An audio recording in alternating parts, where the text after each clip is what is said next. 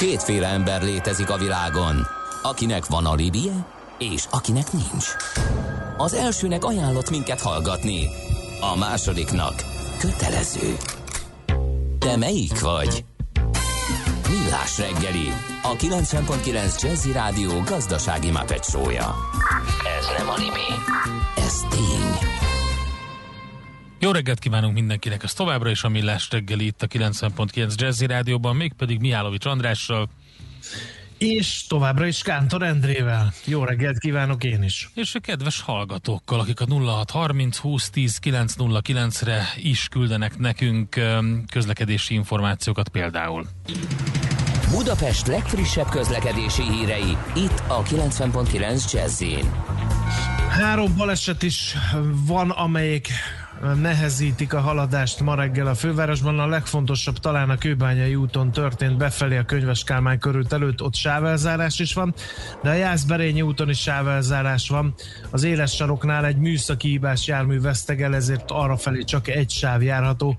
A Körösi Csoma Sándor út felől lépésben halad a forgalom, és baleset történt az elmúlt percekben az Istenhegyi úton jelentették. Ezt a balesetet a Nagy Enyed utca előtt történt. Azt mondja a kedves hallgató, hogy ma is gigatorlódás van az m 0 déli szakaszán az M1 irányába, Dunaharasztitól csak lépésben lehet haladni, 30 perc menetidő növekedés van. Göndör írta ezt nekünk, köszönjük szépen az eddigieket is. Nem döntés kérdése a józanész, ahogy az sem, hogy elveszítjük-e. Millás reggeli. És amiről beszéltünk korábban már a haldokló bérlakás szektor és a szociális lakáspolitika kegyelemdöféséről adott ki közleményt a Habitat for Humanity Magyarország. Itt van velünk az ügyvezető igazgatója, Szekfalvi Zsolt. Szervusz, jó reggelt kívánunk! Jó reggelt kívánok! Ugye ez elég nagy hírt vert, vagy port vert fel a hírekben a bérlakásokkal kapcsolatos törvényjavaslat, amit ugye szokás szerint késő este nyújtottak be a múlt héten egyik nap, és lehetővé tenni, hogy az önkormányzati bérlakásokat a lakás értékének legfeljebb 30%-áért fel lehessen vásárolni. Hát elég erőteljesen fogalmaztatok a közleményetekben. Igen, mert igazából azt szeretnénk, hogyha így, hogy, hogy így megért megértenénk a hallgatókkal, meg mi is megértenénk, hogy mi ezzel a baj. Hát akkor a lakók megveszik kedvezményes áron. Volt már példa ilyenre a magyar történelemben. igen, igen, volt már rá példa, és egyébként ugye utólag a Habitat for Humanity és a szakmai szervezetek ugye azt a fajta privatizációt, a, azt lehet mondani, hogy ezt az ész nélküli privatizációt, azt eléggé kritizáltuk, kritizálták, és egyébként ugye azt mondjuk, hogy a mostani lakhatási válság egyik eleme az az is, hogy, hogy igazából nincsenek, nincs elég közösségi tulajdonú lakás, bérlakás, nincs elég megfizethető bérlakás, miközben ugye beszélünk arról, hogy két-három millió ember a lakhatási szegénység csapdájában vergődik, valamilyen aspektusát szenvedi, és most tulajdonképpen ezt a nem teljesen tökéletes, nagyon alacsony számú bérlakásrendszer számolná fel ez a törvényjavaslat. Viszont Miért számolná fel? Ez az egyik kérdés. A másik kérdés meg lehet, hogy ha fel is számolja, én olvastam olyan érveket, mi szerint azért történik ez, mert az állam fog ehelyett egy nagy ívű bérlakás programot indítani. Jó, hát Egyrészt, hogyha megnézzük az utóbbi tíz év kormányzati lakáspolitikáját, akkor arról el lehet mondani azt, hogy ez nincs, uh-huh. nem is volt. Igazából adópolitikai, családpolitikai, gazdaságpolitikai intézkedéseket hoztak, és ezek hatottak a lakhatásra, aminek következtében beszélhetünk ismét csak erről a két-három millió emberről, és beszélhetünk arról, hogy a szociális különbségek nőttek, a szociális támogatások önkormányzati kézbe kerültek, akik ehhez külön forrásokat nem kaptak. Tehát, hogy én, én nem gondolom, nagyon örülnék, és uh, igazából az utóbbi öt évben uh, mi is ezt mondjuk, hogy itt nagyszabású állami támogatással uh, uh, megtámogatott, akár évtizedekben gondolkodó, tehát nem kormányzati ciklusokban gondolkodó nagyszabású uh, uh, fejlesztés kellene, uh, nem utolsó sorban egy hosszú távú stratégia, amit akár egy politikai konszenzus alapján hoznának meg, tehát bármilyen kormányzat is lesz a jövőben, az ezt végig tudná vinni. Hát ezt a fajta konzisztenciát a lakhatás ügyében nem láttuk, és most sem látjuk. Csak így gondoltam, hogy elmondom, hogy hogyan alakult ez a törvény, tehát hogy, hogy innentől kezdve szerintem érthető az, hogy ez mennyire nem átgondolt. Ugye még áprilisban a Böröt László arról beszélt, hogy megpróbálják rendezni a várbeli műemlék lakások ügyét, aztán utána ugye a törvényalkotó, vagy a törvényjavaslatot készítő visszavonult, és egyszer csak megjelent ugye múlt kedden egy olyan törvényjavaslat, ami nem a várbeli lakásokról szól, hanem az összes közösségi tulajdonú bérlakásról, legyen ez állami tulajdonban, vagy önkormányzati tulajdonban, és, és mindenki számára ugye ezt megnyitották ezt a lehetőséget. Egyrészt azt gondolom, hogy a törvényjavaslat szövegében nagyon sok olyan ö, problémás rész van, amivel vitatkoznánk, de ugye a, a civil szervezeti álláspont is ezt mondja, és nagyon sok ö, szakértő szervezet aláírta. Egyébként ö, ö, folyamatosan dolgozunk azon, hogy hogyan lehetne ezt a törvényjavaslatot ö, ö, valahogy ö, a szavazás előtt ö, ö, megállítani, ugyanis, ö, ugyanis semmiféle vizsgálat, semmiféle hatástanulmány nem történt. A beterjesztő elmondása alapján a várbeli lakosokkal konzultáltak, és az alapján hoztak egy olyan törvényt, ami több mint százezer lakásról, a szociális bérlakás rendszerről szól, anélkül, hogy tudnák, hogy ennek milyen hatása lesz. És, és hogy ez miért fontos tulajdonképpen, meg, meg mi az, amiről beszélünk.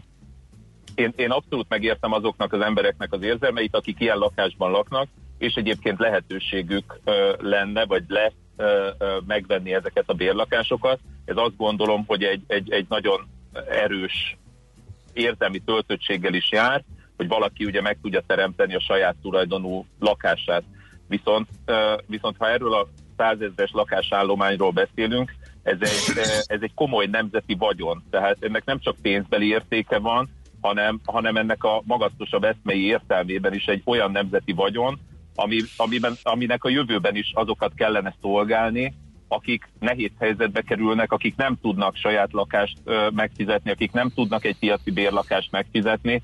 Tehát ezekben a lakásokban jó rész olyan családok laknak, akik nem tudnák ezeket megteremteni maguknak. És hogyha ezt most odaadjuk a bérlőknek, akkor, akkor ez megtűnik, és nem lehet ezt egyik napról a másikra úgy Igen, itt ezer milliárd, ezer milliárd forintos Igen. vagyonról beszélnek a, a... Lehet, hírekben. Igen, igen, igen, és bocsáss meg Endre, csak még egy kérdés közben eszembe jutott, hogy ez hogy működik ez a modell? Mert én bevallom őszintén, hogy valami olyasmi és ez, tehát nem mélyedtem el a témában empirikusan, de a környezetemben, akik ilyen bérlakásban éltek és meséltek, az az volt, hogy megszereztünk egy önkormányzati bérlakást, és ott laktunk évtizedekig. Az hogy segít a, lak, a lakhatás és szegénységen? Vagy itt akkora volt azért a fluktuáció az önkormányzati bérlakásokból, hogy azért aki, aki akart, az azért tudott, vol, tudott volna ilyen segítséghez jutni? Sajnos nagyon kevés ilyen, ilyen lakás van, és ugye maga a rendszer az, az főleg arra lett, lett kitalálva, vagy, vagy úgy működtették, hogy azért nagyon sokszor akár olyan emberek is megkapták ezt, akik mondjuk a, a lakásvesztés közelébe kerültek.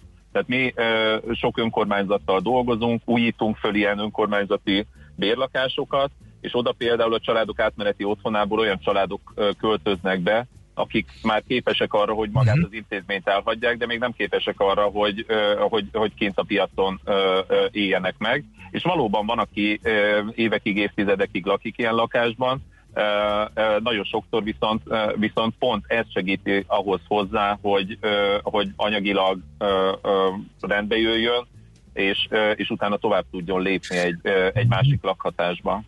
Nem volt az átpolitizálva ez a rendszer, hiszen, hiszen akkor az mindenkori önkormányzat, hogy is fogalmazzak finoman, kegyétől függött az, hogy kinek jut ilyen bérlakást, és kinek nem.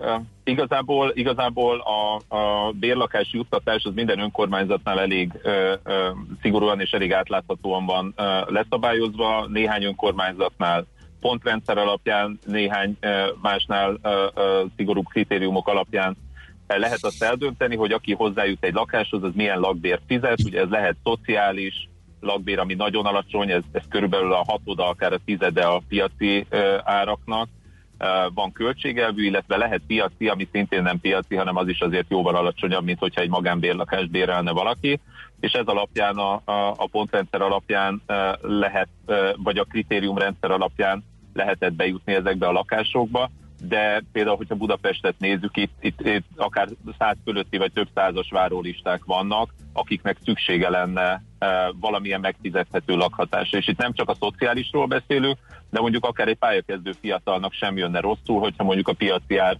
60%-áért bérelhetne egy ideig egy lakást, amiből aztán utána ő tovább tudna menni. Tehát azt gondolom, hogy maga ez a kérdés, ez ahhoz túl komplex, hogy egy tulajdonképpen egy ilyen városi műemlék lakásos geggel ezt az egészet vagy eltöröljék, vagy úgy megváltoztassák, hogy ezt utána évekig vagy évtizedekig tartana bármilyen szinten is helyrehozni. Oké, okay, Zsolt, beszéltünk már mi korábban a lakhatási szegénységről és a Habitat for Humanity javaslatairól, hogy mi az, amit tenni kéne. Itt, hogyha a forgatókönyveket nézzük, és mondjuk egy, egy, egy legrosszabb forgatókönyvet nézzük, akkor itt ez e, simán átmegy ez, a, ez az egész, és utána megtörténhet a, a, a, ezeknek a lakásoknak a tulajdonátruházása vagy a megvétele. Mi fog akkor történni? Akkor ezeket ki fogja megvásárolni, és akkor milyen módon hat ez az egész nem az önkormányzatokra, mert ugye az önkormányzatok szempontjából itt ugye egy ezer milliárdos vagyont, közvagyont is mondanak a becslések, amit ugye töredékáron fognak kiárusítani. Ezt a részét ezt viszonylag egyszerű megérteni. De mi lesz akkor a, a többivel? Hát a, a többivel, ami, ami megmarad? Vagy... Ne, nem, mi, mi lesz a többi részével a történetnek? Tehát a, a, a, a ti javaslatotokkal, ami ezt az egész, ami, aminek pont az ellenkezője történik most, uh-huh. legalábbis a javaslataitoknak egy részének az ellenkezője. Mi az, amit lehetne tenni? Mennyire, mennyien kerülnek nagyon rossz helyzetbe szerintetek?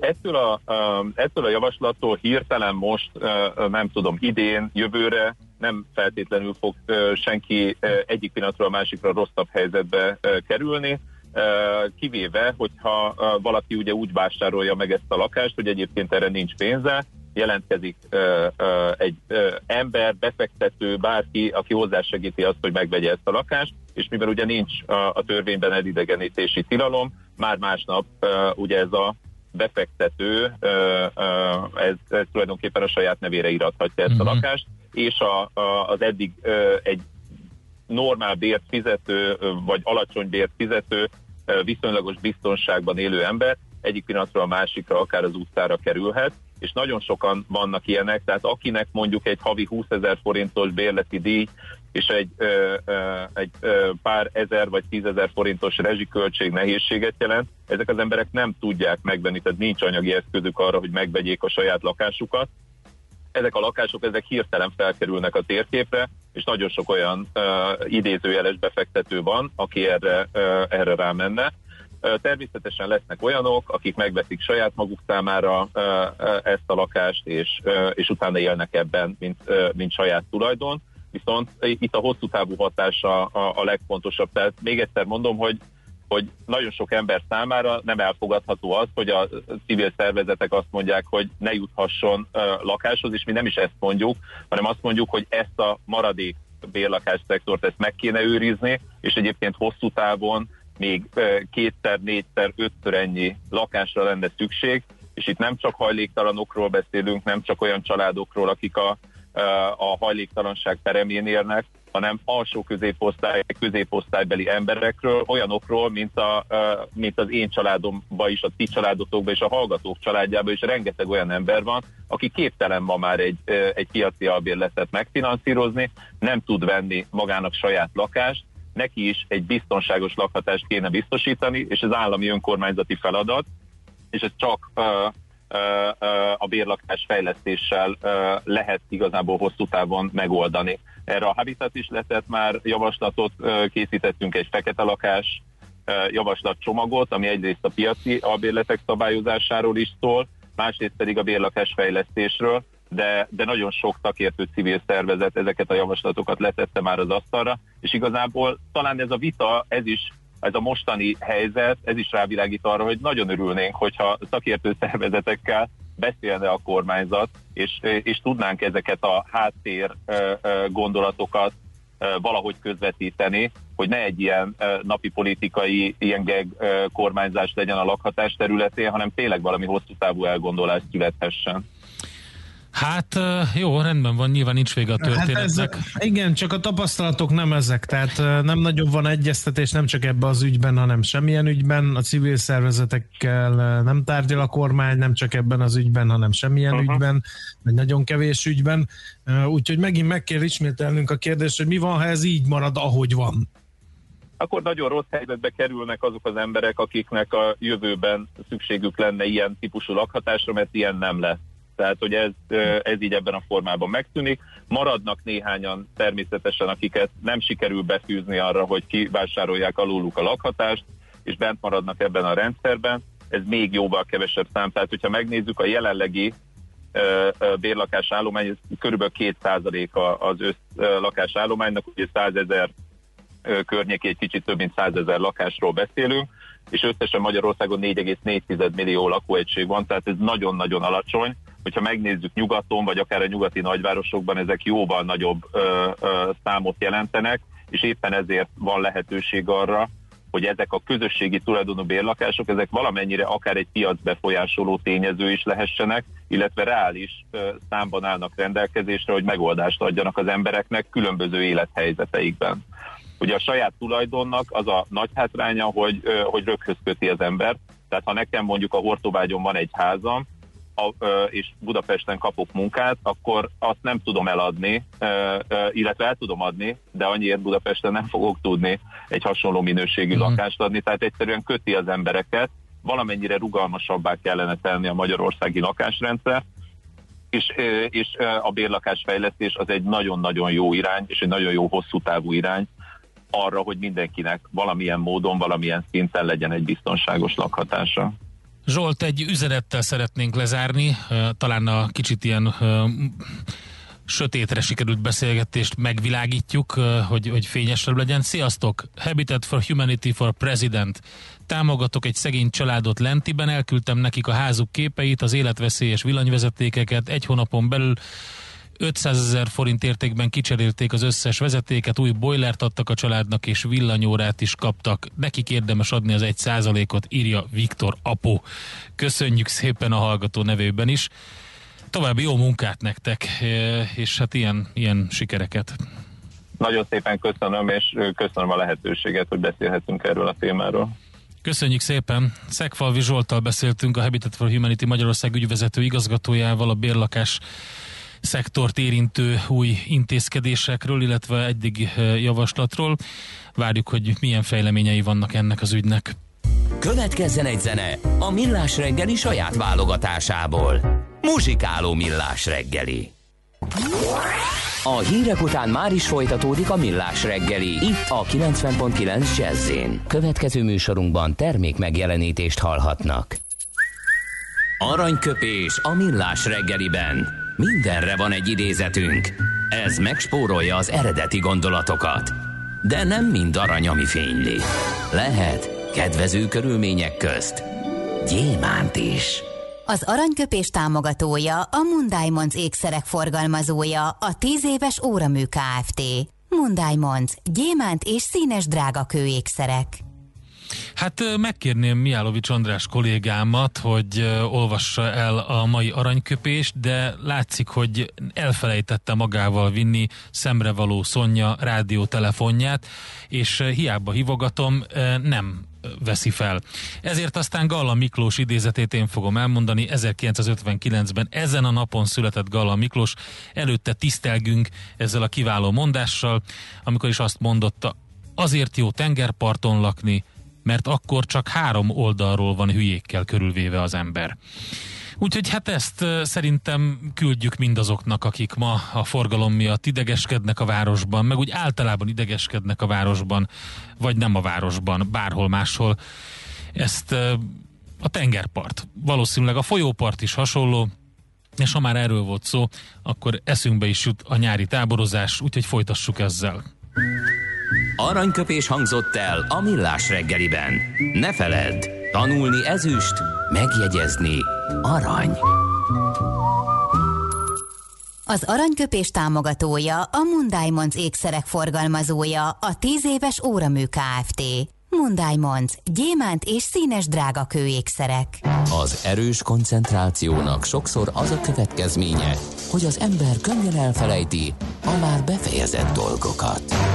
Millás reggeli. Na hát csemetékkel rendelkezők pontosan tudják, hogy mekkora stresszt okoz ilyenkor már az, hogy mi fog történni, amikor vége van az iskolának és elindul a szünidő, jön a táborok ideje, illetve hogy jön-e, ez itt egy nagy kérdés, mert hogy azért eléggé átalakította a nyári táborozást is a pandémia és az egész szituáció, úgyhogy erről fogunk most beszélgetni. Itt van velünk a vonalban Kitka András, a Fanside táborok alapítója. Szervusz, jó reggelt kívánunk! Jó reggelt, sziasztok! Nézzük meg először azt, hogy hogyan változott ez az egész táborozás a járvány, korlátozások, kiárási tilalom alatt, illetve hogy az idén mire számíthatunk.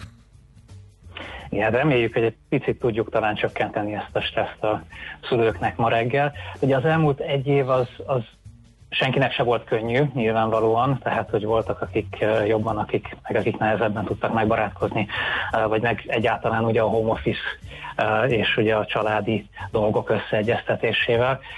Éppen ezért is ugye már nagyon-nagyon várja mindenki a nyarat, azt gondolom. Ugye a tavalyi évben is már ez nem volt egy szokványos nyár, ugye mindig nehéz az, hogy ugye válasszuk ki a megfelelő tábort, és ugye erre jöttek rá még a különböző pandémiás dolgok, ami egy sor megelőző intézkedést és egyéb dolgot jelentett már tavaly nyáron. Idén egy picit talán jobb helyzetben vagyunk ezzel kapcsolatban, hiszen ugye a tavalyi tapasztalatokra már tudunk építeni, tehát azt látjuk, ez nem csak saját tapasztalat, hanem ugye ezt jó pár tábor körében már sikerült felmérni, hogy alapvetően sikerült kívül tartani a vírust ugye a legtöbb táboron, tehát nagyon kevés olyan eset volt tavaly is, ami igazából megzavar zavarta volna általában a táborozást, úgyhogy innen is elég bizakodóan tudunk ebbe, ebbe belemenni. Viszont egy nagyon nagy változás az, hogy az egész szezon úgymond későbbre tolódott, tehát amíg ugye a szülők azzal voltak érthető módon elfogalva, hogy egyáltalán merjük el gyermekünket iskolába küldeni, elindul újra maga a jelenléti oktatás, addig nem azon gondolkozunk, hogy mi lesz majd mondjuk két hónap múlva, meg hogyan fogunk nyaralni, úgyhogy ez a figyelem csak most kezd igazából a, a, a nyára fordulni, úgyhogy egy kicsit később indul minden. Igen, hát eh, nektek van tapasztalatotok, ugye, mert a, a nyári táboraitokban eh, több helyszín, azt hiszem ugye három helyszín volt, ugye, és akkor ehhez csatlakozott most egy új helyszín? Így van, pontosan most már ez a 15. nyarunk így táborozásban állunk a Fánszágynál, és most már idén négy helyszínen is vagyunk, úgyhogy, úgyhogy sok mindent látunk és tapasztalunk, ami azért is jó, mert azért tudok beszélni egy kicsit akár napköz akár ott alvos Igen, ugye ez nem ugyanaz a kettő. Nem ugyanaz a kettő, és hogyha mondjuk így a pandémiás kérdéseknél maradunk, nyilván azért felmerül sok különböző szempont, akár ott alvosnál, akár napközisnél, mondjuk egy nagy ott alvos tábornál azért az is fontos, hogy nálunk is mondjuk több fős egészségügyi személyzet van, amit ugye tavaly bővítettünk föl, nyilvánvalóan pont ugye a koronavírus miatt, és ugye ez is nagyon jól vizsgázott, tehát mindazt a biztonság érzetet megadta, mindazt pedig azt a tényleges könnyedséget, ugye a táborszervezői oldalról, hogy folyamatosan ott vannak olyanok, akik tudnak kifejezetten azzal foglalkozni, hogy egyrészt tartsuk kint, mindenféle fertőző betegséget, másrészt legyen folyamatosan jelenlét és, és ellenőrzés annak, hogy hogyan mennek ezek a dolgok. Ugye egy napközistábornál egy kicsit más a helyzet, mert ugye ott minden nap hazamennek és újra eljönnek a gyerekek, tehát ott például ugye napi szinten végeztünk tavaly nyáron is testhőmérséklet mérést például ugye az érkezéskor, és azt gondolom, hogy ez idén is így lesz. Uh-huh. Oké, okay. uh, ugye azt sokan panaszkodtak, legalábbis az én baráti körömben arról, hogy uh, hát nem nagyon vannak meg az időpontok. Uh, a később van jelentkezés, ne, nem eleve nehéz tervezni a nyarat, ugye, mert napról napra jön egymásnak ellentmondó információ azzal kapcsolatban, hogy például hova lehet utazni, meg mi kell hozzá, de ennek ellenére ugye úgy aztán tényleg lehetetlen, hogy a táboroknak az időpontját nem tudjuk. Ezt azért egy kicsit ányalnám, szerintem nagyon sok tábor esetében azért lehet már tudni egy jó mhm. ideje az időpontokat, de tény, hogy később indult idén is minden. Ugye múlt héten csütörtökön, ugye a kormányinfon jelentették be azt, hogy hivatalosan is lehet idén táborokat szervezni.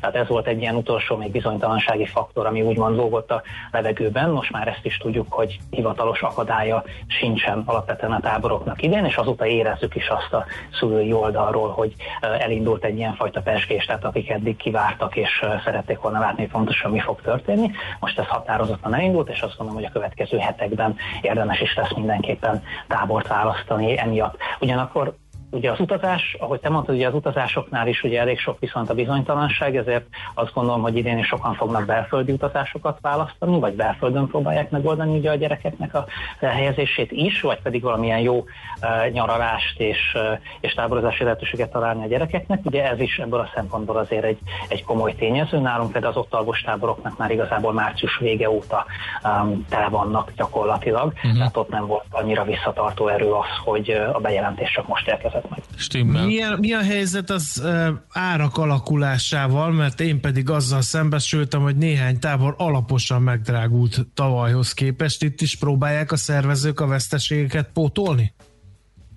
Itt több hatás van egyszerre. Egyfelől azt látjuk, hogy úgy általánosságban a táborpiacon, ugye a táborok döntő része nem vagy csak kisebb mértékben emelte az árait.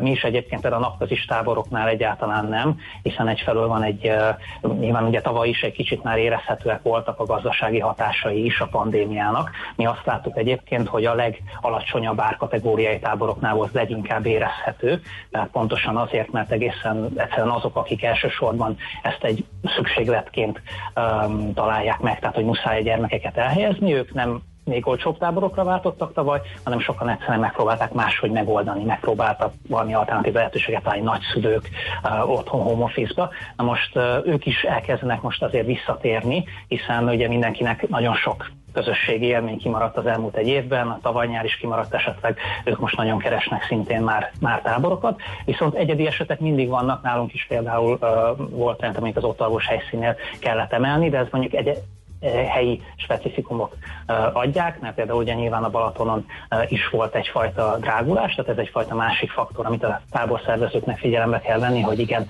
ugye az inflációs adatok is mutatják most már, hogy az van egy költségoldalon egyfajta emelkedés, de azért a legtöbb esetben mindenki arra törekszik, hogy ezt ne kelljen áthárítani idén a szülőkre, és próbáljunk ebben is segíteni, amennyire lehet. Mik a trendek egyébként? melyik tábor a legnépszerűbb, vagy milyen típusú táborok a legnépszerűbbek most? most? Ugye letaszíthatatlan a trónról az idegen nyelvi táborok, viszont a pandémia alatt azért mégis van egy újfajta jelenség. Ugye idén nyáron is nagyon sokan keresnek kifejezetten ilyen mozgásos sportokra épülő foglalkozásokat, ami szintén érthető, hogy az ember nagyon sokat volt otthon, akkor már szeretne kimozdulni a szabadba.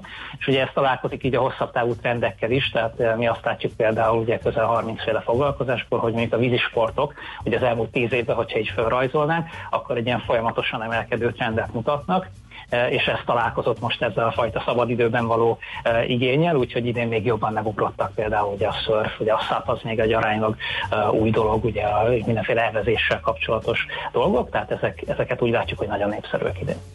És a lovas, és a nyelvi, azok voltak. A nyelvi az megvan, azt mondta az András. Igen, azt említettem, az igazából ilyen 15 éves összehasonlításban is mindig ott van a, a top 2-3-ban. Az idegen nyelvek közül az angol elsősorban. Oké, okay, nagyon szépen köszönjük, jó munkát nektek a nyári táboroztatásban is. Köszönjük szépen az információkat. Én is köszönöm, szép nyarat nektek is.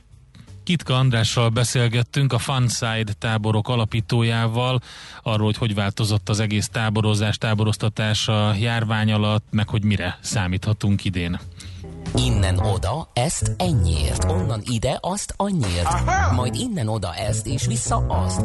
Emennyiért közben bemegyünk oda azokért, és átvisszük amoda. Amennyiért, mindezt logikusan, hatékonyan, érted? érted? Ha nem, segítünk. Észjáték, a millás reggeli logisztika rovata. Na hát itt a budapesti közlekedésről panaszkodunk folyamatosan, pedig a Suezi csatorna közlekedése is eléggé hektikus. Hát ugye a globális kereskedelem egyik legfontosabb útvonaláról van szó, és szerintem mindenki hallott az Ever Given nevű konténerhajóról, ami gyakorlatilag eldugaszolta magát ezt a globális kereskedelmi útvonalat, és nagyon komoly problémákat okozott.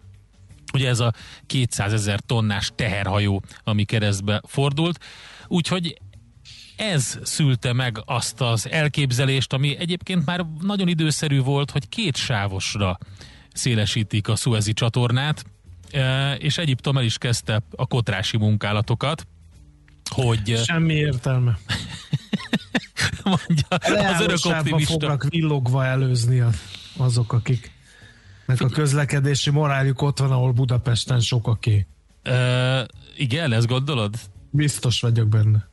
Ugyanaz fog lejátszódni a Suezi csatornán több százezer tonnás konténerhajók között, mint ma reggel az irodaablakunk előtt. Figyeld meg! Figyelj, elképzelhető, de lényeg a lényeg, hogy, hogy már elkezdték a kotrási munkálatokat, hogy egy második sávot kialakítsanak ott, ahol ugye márciusban egy, egy hétig vesztegelt az Evergiven, és hát most gondolj bele, néhány másik teherszállítónak meg kellett kerülnie Afrikát mások meg úgy döntöttek, hogy napokig várnak. Minden esetre most majd több szávon, majd több szakaszon, két sávon tud haladni a teherajó forgalom a nagy keserű tótól északra. Itt kezdett most dolgozni az egyiptomi állami cég, ami a, vagy amely a csatornát kezeli. Az eddig meglévő 10 km hosszú dupla csatornát 82 km hosszúra nyújtják, a tótól délre fekvő szakaszt pedig úgy mélyítenék és szélesítenék, hogy ott is elférjen két hajó egymás mellett, és akkor így próbálják majd kikerülni. Én attól tartok, hogy hogy eddig is elég szigorú szabályok voltak, elég volt a az Ever Given-nek valami kalamajkát okozni, hogy, hogy ezek ne érvényesüljenek. Lehet, hogy most mivel két sávosra bővül a, a haladás, ugye ezen a 82 kilométeren, ezért megpróbálják mondjuk gyorsabban átengedni a, a hajóforgalmat, vagy valami olyasmi fog megint történni, ami hiába minden számítás, hiába minden szabály, hiába minden előírás, ott az emberi gyarlóság, vagy az emberi bénázás az, ami hát megint győzedelmeskedni fog. Minden esetre az nem kis munka. A, nem, és azt a, az embert, aki ott egyedül egy exkavátorral próbálta meg ki ásni, azt kifizették végül. Ő a mert... hős lett, a világ, világ egy, Igen, hőse. egyedül, tehát úgy nézett ki, mint amikor egy hangya próbál kiszabadítani egy egy embert a belesüllyedt mocsárból, kb. ilyenek voltak az, a, az arányok, és hát ő lelkesen dolgozott szegénykém, ásott, ásott, ásott, és akkor utána a legnagyobb megdöbbenésemre a következő hír az volt, hogy nem fizették Igen, ki. igen. Azt mondja a Gábor nevű hallgatónk, hogy akkor majd kettő Evergiven áll keresztbe. By the way, azzal mi van, hogy előtte egy méretes szerszámot rajzolt fel GPS nyomkövető pontokkal az a hajó, mielőtt keresztbe feküdt a csatornán. Milyen üzenet lehetett ez? Én erről nem hallottam. Igen, ez egy nagyon érdekes. Um, az elfér nem annyira egyszerű két ekkora tengeri dögnél, a szívóhatás simán egymáshoz csapja a két hajót, amikor elmennek egymás mellett, írja Kornél. Hát, igen. Aki ezek szerint tengerész. Igen, igen. Oké, okay, na, hát akkor ennyi. Két sávosra bővítik 82 kilométeres szakaszon. Majd lesznek vészvillogósok mennek, mondom majd, figyeld meg. Tervezés, szervezés, irányítás, ellenőrzés. Kössük össze a pontokat. Észjáték. A millás reggeli logisztika rovata hangzott el. Volt egy üzenet, amit uh, akkor olvastam. Ja igen, itt van, hogy ha a miért van az, hogy uh, igen, igen, igen, igen, igen. Hogy a piaci hmm. ár 60%-áért lehet bérbe venni egy lakást, akkor a különbséget a becsületes adófizetők fogják állni, vagy hagyják lepusztulni a lakásokat, ahogy ez a tanácsrendszerben volt. A lakásbérlők tehát arra alapozzák az életüket, hogy mások fizetik a lakhatásukat. Teljesen elfogadhatatlan, hogy egyesek ilyen formában korlátlan ideig élősködhessenek azokon, akik megteremtik maguknak a saját lakhatásukat, írta Péter, aki az üzenetét olvasva érzésem szerint nincsen teljesen tisztában azzal, hogy mi az a lakhatási szegénység, és hogy miért vannak nagyon sokan mégis erre rákényszerülve. Úgyhogy ezt ajánlom, hogy a Habitat for Humanity oldalán lévő adatokat olvassa el, és akkor talán egy picit árnyalja azt a képet, amit ott vázolt. Meg eh, szeretném hinni, hogy az Európai Unió egyik tagállamaként talán a szolidaritás szó is jelent valamit honfitársainknak. Igen, és volt egy másik a Fudan Egyetemmel kapcsolatban, hogy most a közlekedési kultúrával kapcsolatban miért nem indítunk el párbeszédet, meg szavazást, meg, meg mindent, mert hogy az mindenkit érint Budapesten, bezzeg a Fudan Egyetem csak azt az 1000-1500 diákot érinti, és ott mégis mi, mekkora felhajtás van. Úgyhogy szerintem itt is egy kicsit elveszett a lényeg, tehát nem azt az 1000-1500 diákot érinti a Fudan Egyetem sorsa, kedves hallgató, úgyhogy ezt szerintem átgondolásra küldeném vissza ezt a kommentet. Na, megyünk tovább, és uh, mesél a múlt rovatunk következik, hiszen kedv van. Végre. Egy nagyon izgalmas készültem. beszélgetés lesz. Katona Csaba történészhez csatlakozik német Balázs hat történész, és uh, arról fogunk beszélgetni, hogy ugye május 21-én lesz Budavár bevételének a napja, 1849-ben volt ezen a napon. Csaba és Balázs uh, egy négyrészes kis dokumentumfilmet csinált, vagy forgatott arról, hogy mi történt, bejárták a fontosabb helyszíneket, sztoriztak, és nagyon érdekes filmek lettek belőle ebből az egészből, úgyhogy ezeket egy picit megbeszéljük, népszerűsítjük, ajánljuk a kedves hallgatóinknak megnézésre. A Millás reggelit nem csak hallgatni, de nézni is lehet. millásreggeli.hu